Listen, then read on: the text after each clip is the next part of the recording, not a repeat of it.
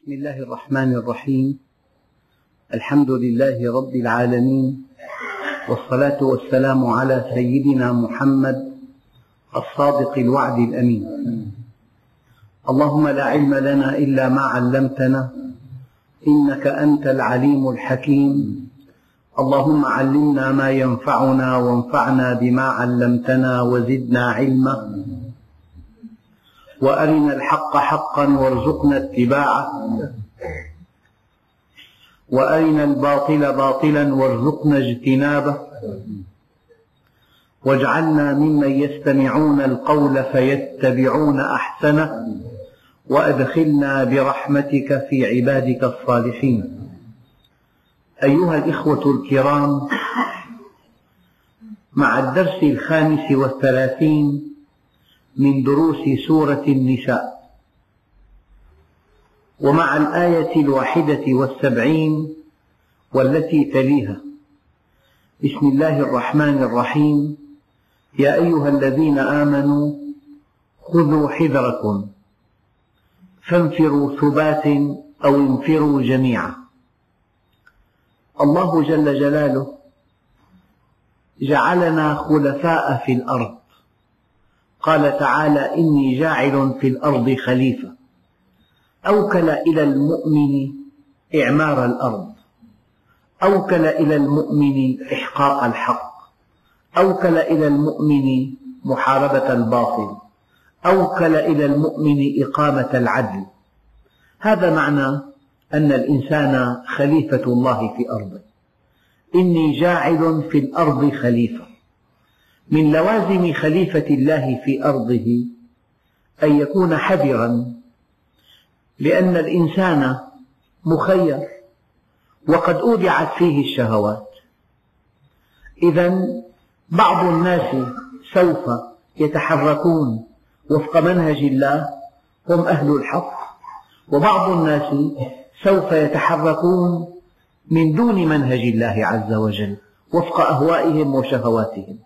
ولا بد من أن تنشأ بين الفريقين معركة من آدم إلى يوم القيامة. معركة الحق والباطل معركة أزلية أبدية. وكل الصراعات التي تسمعون بها الآن تندرج تحت هذه المعركة. معركة الحق بالباطل. فالمؤمن ينبغي أن يأخذ حذره. ينبغي أن يكتشف الخطر قبل أن يظهر. ينبغي أن يكتشف العداوة قبل أن تعلن. ينبغي أن يكتشف عدوه قبل أن يكون أمامه صارخا. هذا معنى قول الله عز وجل يا أيها الذين آمنوا خذوا حذركم. ثم يقول الله عز وجل فانفروا ثبات أو انفروا جميعا. معنى كلمة ثبات جمع ثبتة. يعني طائفة صغيرة. فلو أن مناوشة من جهة محدودة كافرة ينبغي أن يرسل إليها سرية محدودة.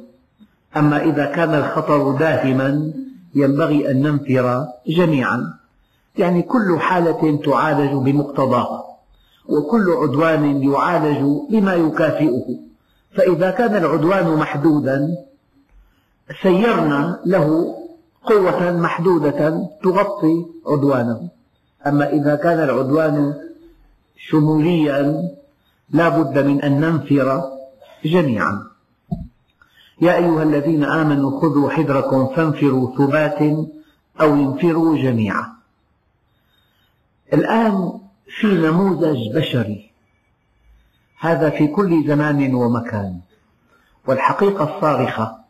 أن في القرآن الكريم نماذج بشرية. الإنسان إذا قرأ في هذه الآيات يجد نموذج يعيشه الناس. قال وإن منكم لمن ليبطئن. كما قال الله عز وجل يا أيها الذين آمنوا ما لكم إذا قيل لكم انفروا في سبيل الله اثاقلتم إلى الأرض.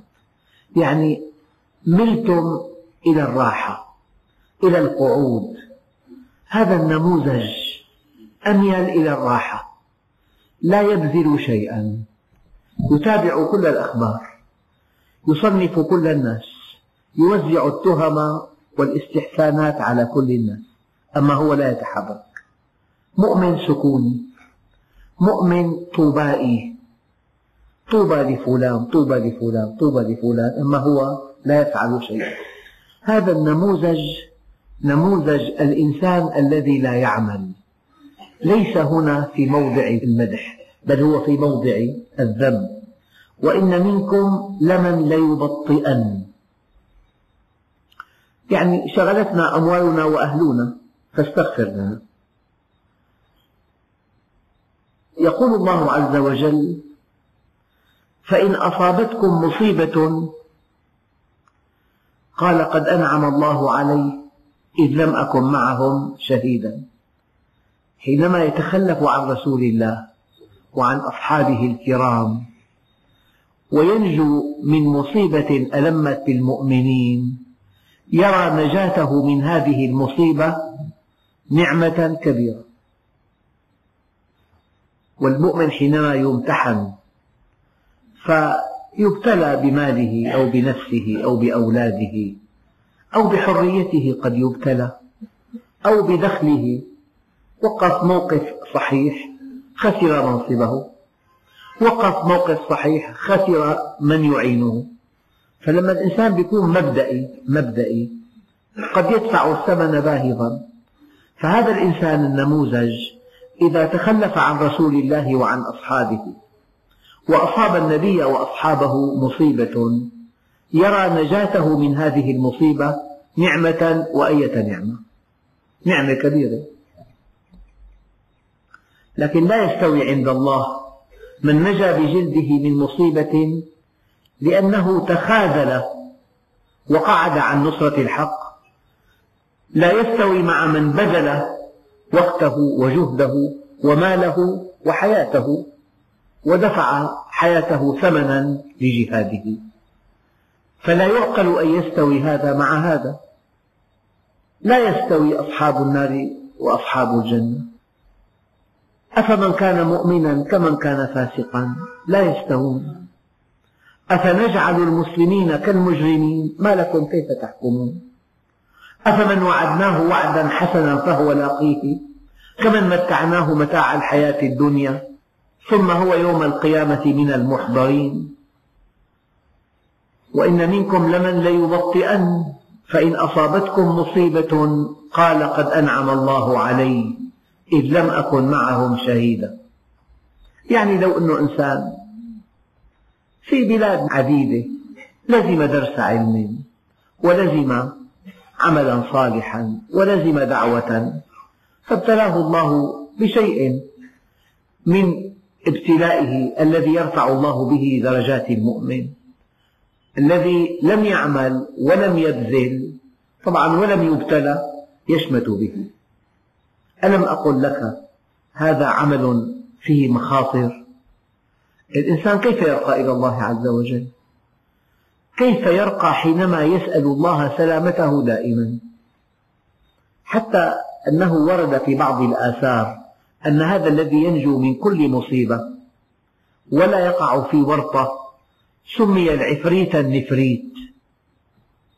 بل إن بعض الصحابيات الجليلات رأت زوجها لم يبتلى أبدا فذهبت لتشكوه إلى رسول الله.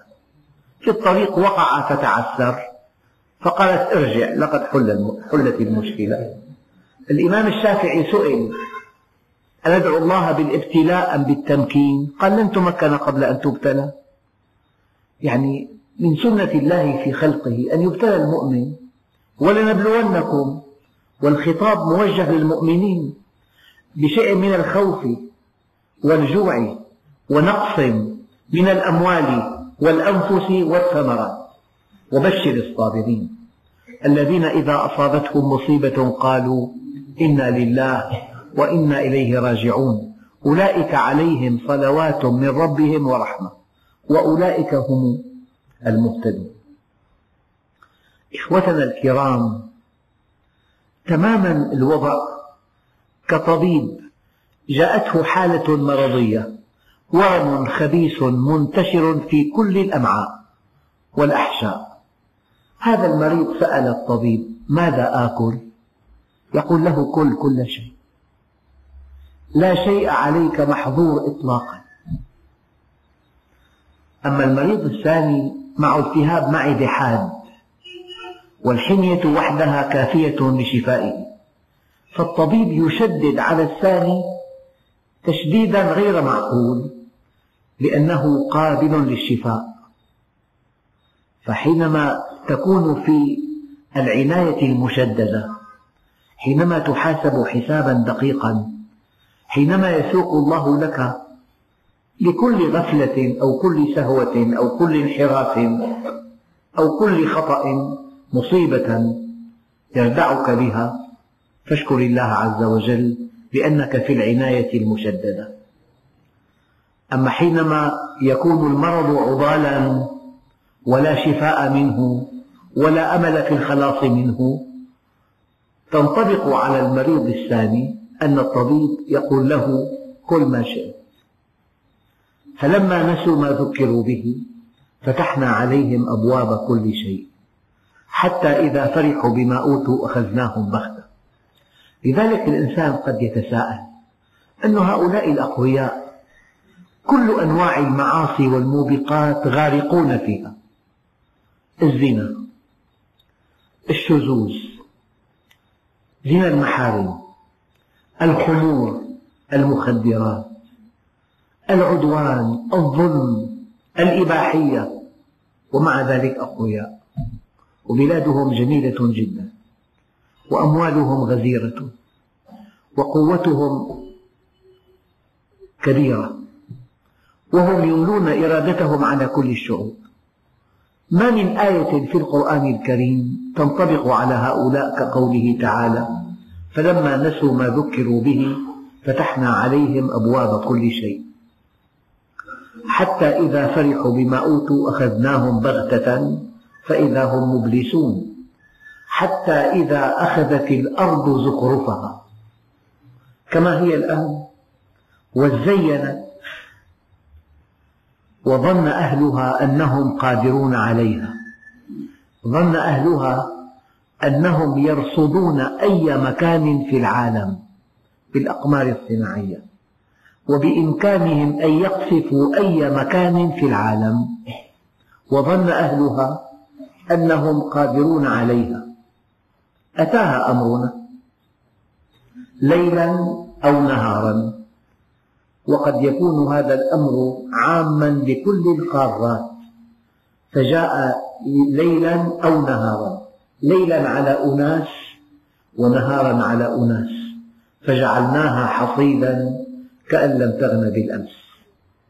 هذا النموذج نموذج المؤمن مبتلى لأنه قابل للشفاء مبتلى لأن الله سبحانه وتعالى وضعه في العناية المشددة. يسوق له من المصائب ما يرقى به. ما ينقيه من الآثام. السيدة فاطمة سألها النبي عليه الصلاة والسلام ما بك يا فاطمة؟ قالت حمى لعنها الله.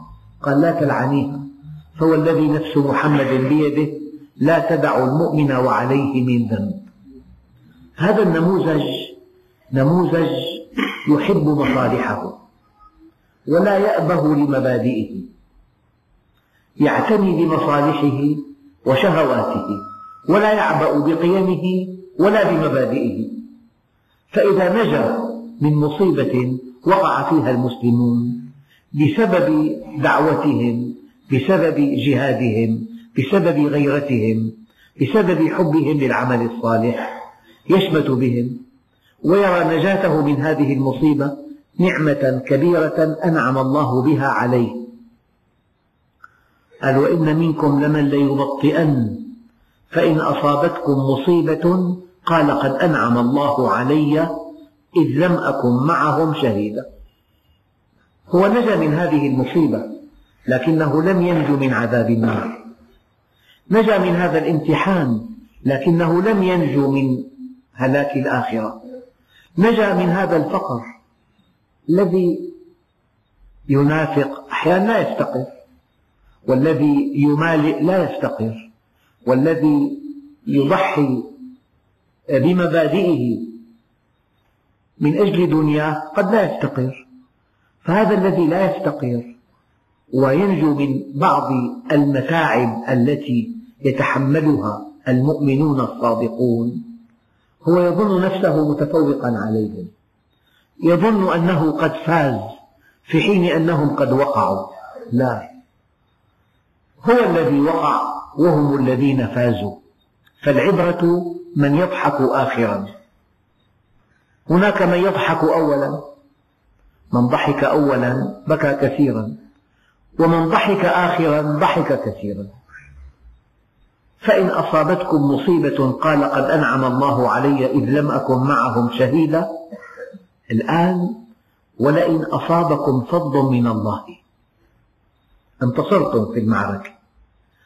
وحققتم العزة للمؤمنين. ونلتم مغانم كثيرة. يسيل لعابه لا على النصر للحق على المغانم. ولئن أصابكم فضل من الله ليقولن كأن لم تكن بينكم وبينه مودة. يا ليتني كنت معهم فأفوز فوزا عظيما. أرأيت إلى هذا النموذج تحركه مصالحه؟ فإن كانت مصالحه مع المؤمنين ادعى أنه مؤمن. لا من أجل الإيمان من أجل مصالحه.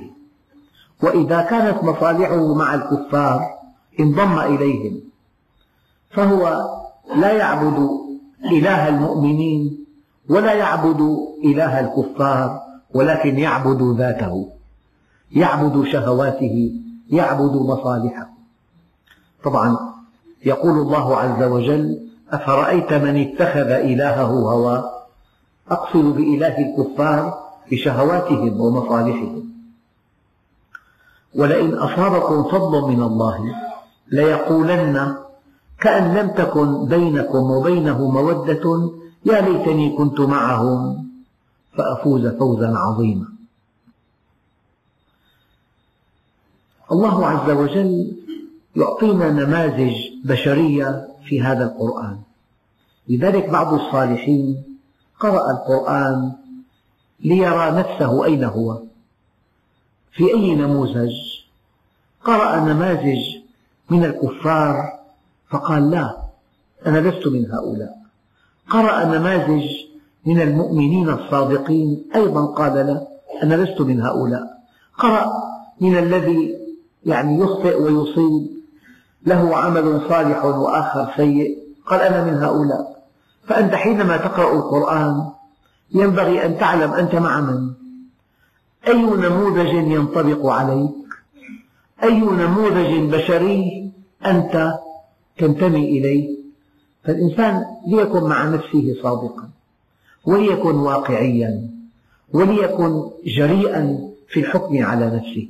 الإنسان في العادة يمالئ نفسه يحابيها يصفها بصفات ليست فيها.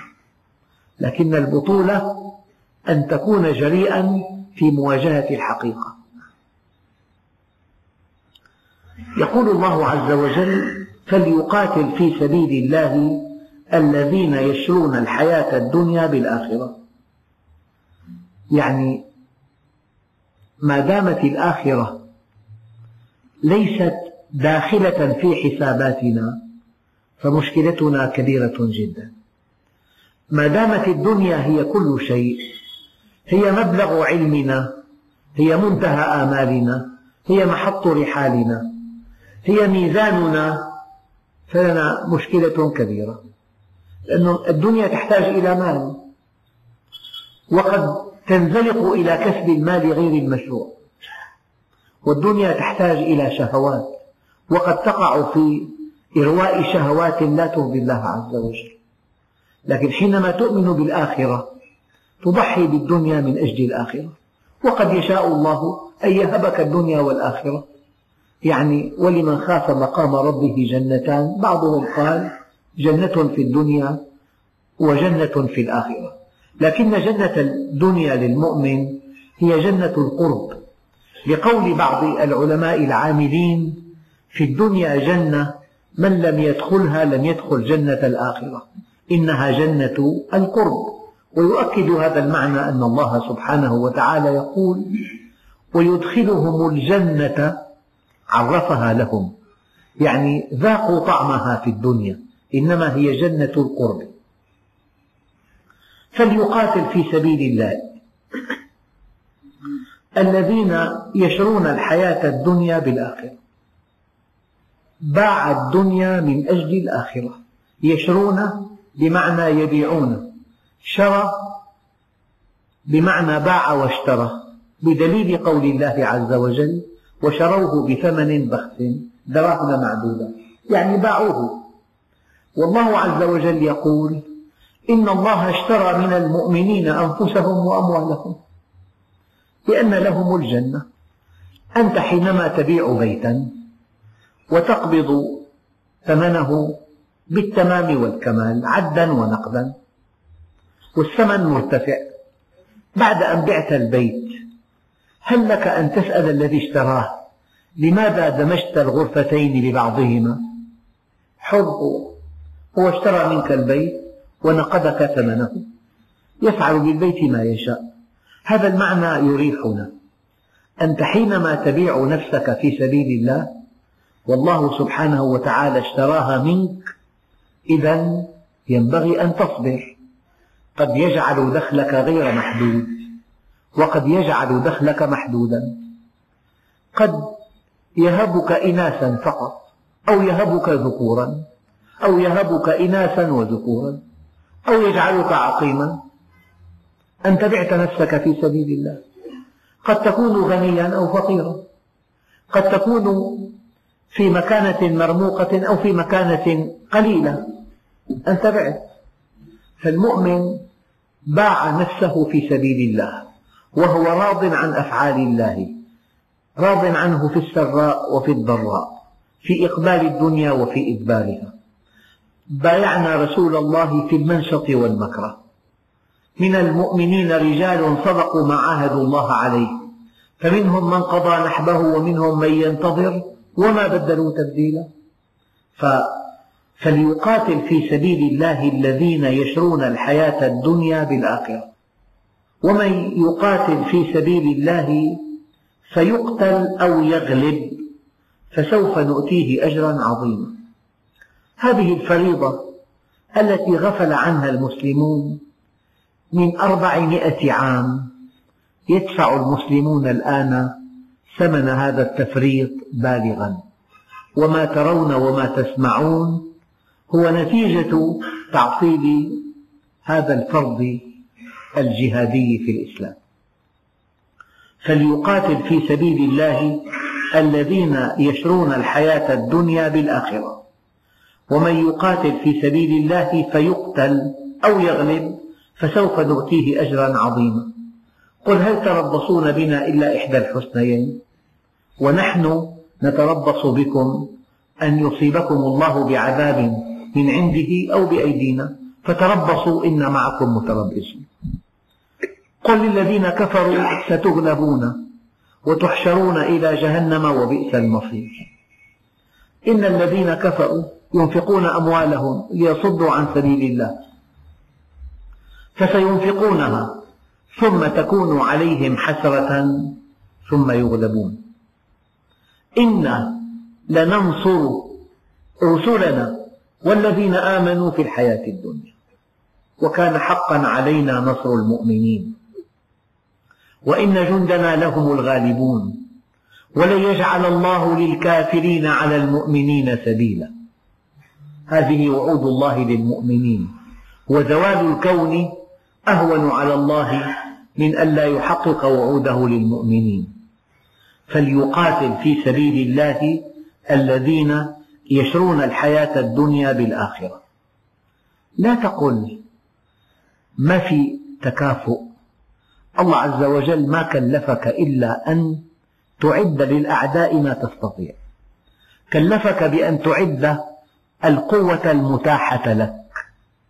يعني مع التفوق المذهل الذي عند الأعداء. قال أحدهم قبل يومين ماذا نفعل بهذه الطائرات العملاقة؟ وهذه البوارج الحربية وهذه الصواريخ العابرة للقارات ماذا نفعل بها؟ وقد أصبح العدو شخصا لا دولة. واحد أقلق مجتمعا بأكمله عشرين يوما. جاءت الطائرات وجاء الاستنفار دون جدوى. فالله عز وجل قال فأتاهم الله من حيث لم يحتسب وقذف في قلوبهم الرعب. يعني مئتا ألف طالب عطلت مدارسهم عشرين يوما من إنسان واحد أقلق مضاجعهم إذا لا تقل ليس هناك مساواة بين الكيانين عليك أن تعد لهم القوة المتاحة. ولا يحل مشكلات المسلمين اليوم إلا أن نعد لهم ما أمرنا الله به وأعدوا لهم ما استطعتم من قوة ومن رباط الخيل ترهبون به عدو الله وعدوه. فليقاتل في سبيل الله الذين يشرون يعني يبيعون الحياة الدنيا بالآخرة. حياة الدنيا. سماها الله دنيا دنيا. والآخرة هي الحياة الحقيقية.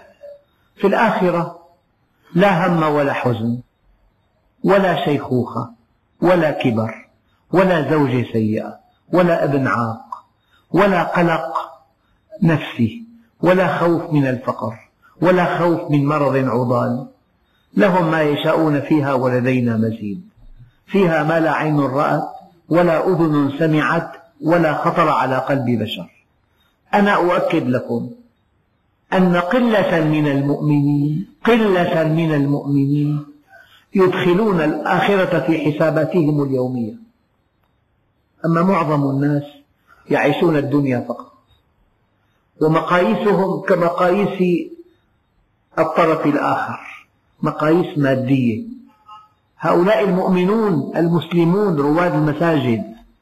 أما الآخرة كشيء مهم جدا في حياتهم كعامل خطير في حساباتهم هذا هم بعيدون عنه. لذلك ما من ركنين من أركان الإيمان جاءا متلازمين في القرآن كالإيمان بالله واليوم الآخر. يعني أنت دائما حاول حينما توازن بين شخصين بين بلدين بين أمتين أن تضيف الآخرة إلى الدنيا. أتيت بمثل صارخ. مطعم متواضع جدا جدا في أطراف المدينة. ودخله محدود جدا لكن صاحب هذا المطعم إنسان مؤمن. وعقيدته سليمة ومستقيم وقائم بعباداته. ومطعم خمسة نجوم. دخله اليومي مليون. ويبيع الخمور. ويأتي بالمغنين. طبعا ليس هناك من أساس للموازنة بين هذين المطعمين. لكن المطعم الثاني لأنه يبني دخله على الحرام وعلى بيع المحرمات وعلى انتهاك الحرمات. أضف الآخرة إلى كل طرف. من هو الرابح؟ الأول. لولا أن هناك يوما آخر تسوى فيه الحسابات لحق للمؤمنين أن ييأسوا. لكن هناك يوم آخر تسوى فيه الحسابات. ولا تحسبن الله غافلا عما يعمل الظالمون. إنما يؤخرهم ليوم تشخص فيه الأبصار. ولا تحسبن الله مخلف وعده رسله. إن الله عزيز ذو انتقام. لا يغرنك تقلب الذين كفروا في البلاد. متاع قليل. ثم مأواهم جهنم وبئس المهاد. أيها الإخوة فليقاتل في سبيل الله الذين يشرون الحياة الدنيا بالآخرة ومن يقاتل في سبيل الله فيقتل أو يغلب فسوف نؤتيه أجرا عظيما. طبعا نحن في عنا جهاد النفس والهوى. هذا هو الأصل. المهزوم أمام نفسه لا يستطيع أن يواجه نملة. المهزوم أمام نفسه. بعد جهاد النفس والهوى يأتي الجهاد الدعوي. إذا كان متاحا للمسلم أن يدخل في الجهاد القتالي لا بأس. لكن هناك جهادان مقدمان على الجهاد القتالي. جهاد النفس والهوى ثم الجهاد الدعوي. وما لكم لا تقاتلون في سبيل الله والمستضعفين من الرجال والنساء والولدان الذين يقولون ربنا أخرجنا من هذه القرية الظالم أهلها. واجعل لنا من لدنك وليا واجعل لنا من لدنك نصيرا. يعني أحد مشروعية الجهاد أن تقيم الأجواء المناسبة لمن حولك كي يعبدوا الله عز وجل. فإذا حال حائل بين الناس وبين عبادة الله ينبغي أن نجاهد فيه. إذا حال حائل بين الناس وبين عبادة الله كما يفعلون في الأراضي المحتلة يهدمون المساجد يقتلون الناس وهم يصلون كما فعلوا من قبل. نعم. الذين آمنوا يقاتلون في سبيل الله. هذا هو القتال الذي جزاؤه الجنة. والذين كفروا يقاتلون في سبيل الطاغوت. يعني في سبيل المصالح. الطاغوت هنا من الطغيان. والطاغوت جمع طاغي. والطاغي هو الظالم. لكن الطاغي يفترق عن الظالم لأنك كلما أطعته ازداد ظلما. لذلك المؤمنون يعبدون الله سبحانه وتعالى والكافرون يعبدون الطواغيت.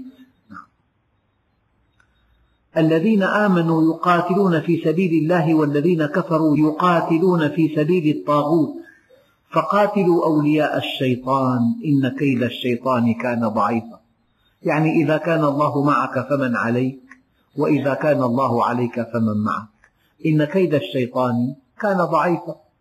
لأنك إذا كنت مع الله معك القوة المطلقة. إذا كنت مع الله كان الله معك. كن لي كما أريد أكن لك كما تريد. أيها الإخوة أنا أرى أن كل مؤمن عليه أن يبدأ بمجاهدة نفسه حتى ينتصر على شهواته ومصالحه غير المشروعة. فإن انتصر على نفسه ربما أعانه الله على أن ينتصر على عدوه. لكن بين الجهادين بين جهاد النفس والهوى وجهاد الأعداء الجهاد الدعوي. فإذا أمكنك أن تنشر هذا الدين بالطرق السلمية فهذا شيء جيد جدا لأن الله عز وجل يقول دققوا في هذه الآية وجاهدهم به جهادا كبيرا كبيرا. فحينما تبين هذا الكتاب الكريم تبين أحكامه تبين أوامر الله عز وجل تبين ما عند الله من خير إذا أطعته. ما عنده من عقاب إذا عصيته. هذا أيضا جهاد كبير بنص القرآن الكريم. فلنبدأ بجهاد النفس والهوى. ثم لنثني بالجهاد الدعوي. ومن أحسن قولا ممن دعا إلى الله وعمل صالحا وقال إنني من المسلمين. وحينما يتاح للمسلمين إن شاء الله تعالى أن تكون لهم الشوكة وأن ينتصروا على عدوهم ينبغي ألا يقصر أحد منا. في هذا العمل الذي سماه النبي ذروة سنام الإسلام. من لم يجاهد ومن لم يحدث نفسه بالجهاد مات على ثلمة من النفاق. يعني أحيانا تدعو لمن يجاهد كما ندعو لإخوتنا في الأراضي المحتلة. أحيانا تمدهم بالغذاء والمال. وهذا أيضا نوع من الجهاد. من جهز غازيا فقد غزا. من خلف غازيا في أهله بخير فقد غزا. من جهز غازيا فقد غزا. من خلف غازيا في أهله بخير فقد غزا. من دعا لغاز تقبل الله دعاءه. فأنت حسب الوضع. إما أن ندعو لهم بالنصر. وإما أن نمدهم بالمال والمساعدات وإما أن نجهزهم بالمعدات. ثم ينبغي أن نجاهد أنفسنا وأهواءنا لأن الأعداء يراهنون على علاقتنا بربنا. هم يحاربوننا بالفساد. وجدوا أن الفساد أهون من السلاح. هم بالقوة الناعمة أي المرأة. يحملوننا على أن نريد ما يريدون. كانوا من قبل بالقوة المسلحة يجبروننا على أن نفعل ما يريدون. الآن ما في داعي. اصعد إلى جبل قاسيون وألق نظرة على دمشق. تعرف الجواب. ماذا يشغل الناس؟ إذا أيها الإخوة ينبغي أن نعود إلى الله عز وجل. أنا أقول لكم كلام من القلب إلى القلب. إذا كنت مهزوما أمام شهواتك وأمام مصالحك لا يمكن أن تقابل نملة. أما إذا كنت منتصرا على شهواتك وعلى مصالحك وكنت ربانيا عندئذ تستحق أن يتنزل عليك نصر الله عز وجل. فبين الجهاد جهاد النفس والهوى وبين الجهاد الدعوي وبين الجهاد القتالي. أما حينما يجتاح العدو أرضنا لا خيار لنا إطلاقا في الجهاد القتالي. فلنجهز أنفسنا بأن نجاهد أنفسنا وأهواءنا. ثم لنجاهد الجهاد الكبير في نشر الحق بين الناس في أزمة علم وأزمة أخلاق وأزمة إيمان. أنت حينما تعزز قيم الإيمان وقيم العلم وقيم الأخلاق في المجتمع تكون قد أعنتهم على أن ينتصروا على أنفسهم. وأنا حينما أدعو أقول اللهم انصرنا على أنفسنا حتى نستحق أن تنصرنا على أعدائنا. أيها الإخوة هذا الإسلام دين عظيم. إذا حدثنا منه شيئا ضعفنا. وإذا أضفنا عليه أشياء تفرقنا. فإن أضفت عليه أصبح الإسلام طوائف وشيع وإن حدثت منه أصبحنا ضعافا. فلا بد من أن نأخذه كما جاء في أول الأمر. لا يصلح آخر هذه الأمة إلا بما صلح به أولها. هكذا قال عليه الصلاة والسلام. وبدأ الدين غريبا وسيعود كما بدأ فطوبى للغرباء أناس صالحون في قوم سوء كثير. من يعصيهم أكثر ممن يطيعهم. كنت أقول سابقا في عقبات كبيرة جدا أمام الناس. من هذه العقبات الشاشة. من هذه العقبات المناهج أحيانا. مناهج علمانية. في الجامعة يدرسون أن الإنسان جاء من من القرود. بخلاف الكتب السماوية هذا. فالمناهج عقبة والشاشة عقبة وأحيانا الأسرة عقبة لأنها ألفت المخالفات والمعاصي والآثام. فإذا أراد الشاب أن يتوب إلى الله وجد العقبة في أهله أحيانا. فلا بد من إصلاح ذات البين. فاتقوا الله وأصلحوا ذات بينكم. والحمد لله رب العالمين.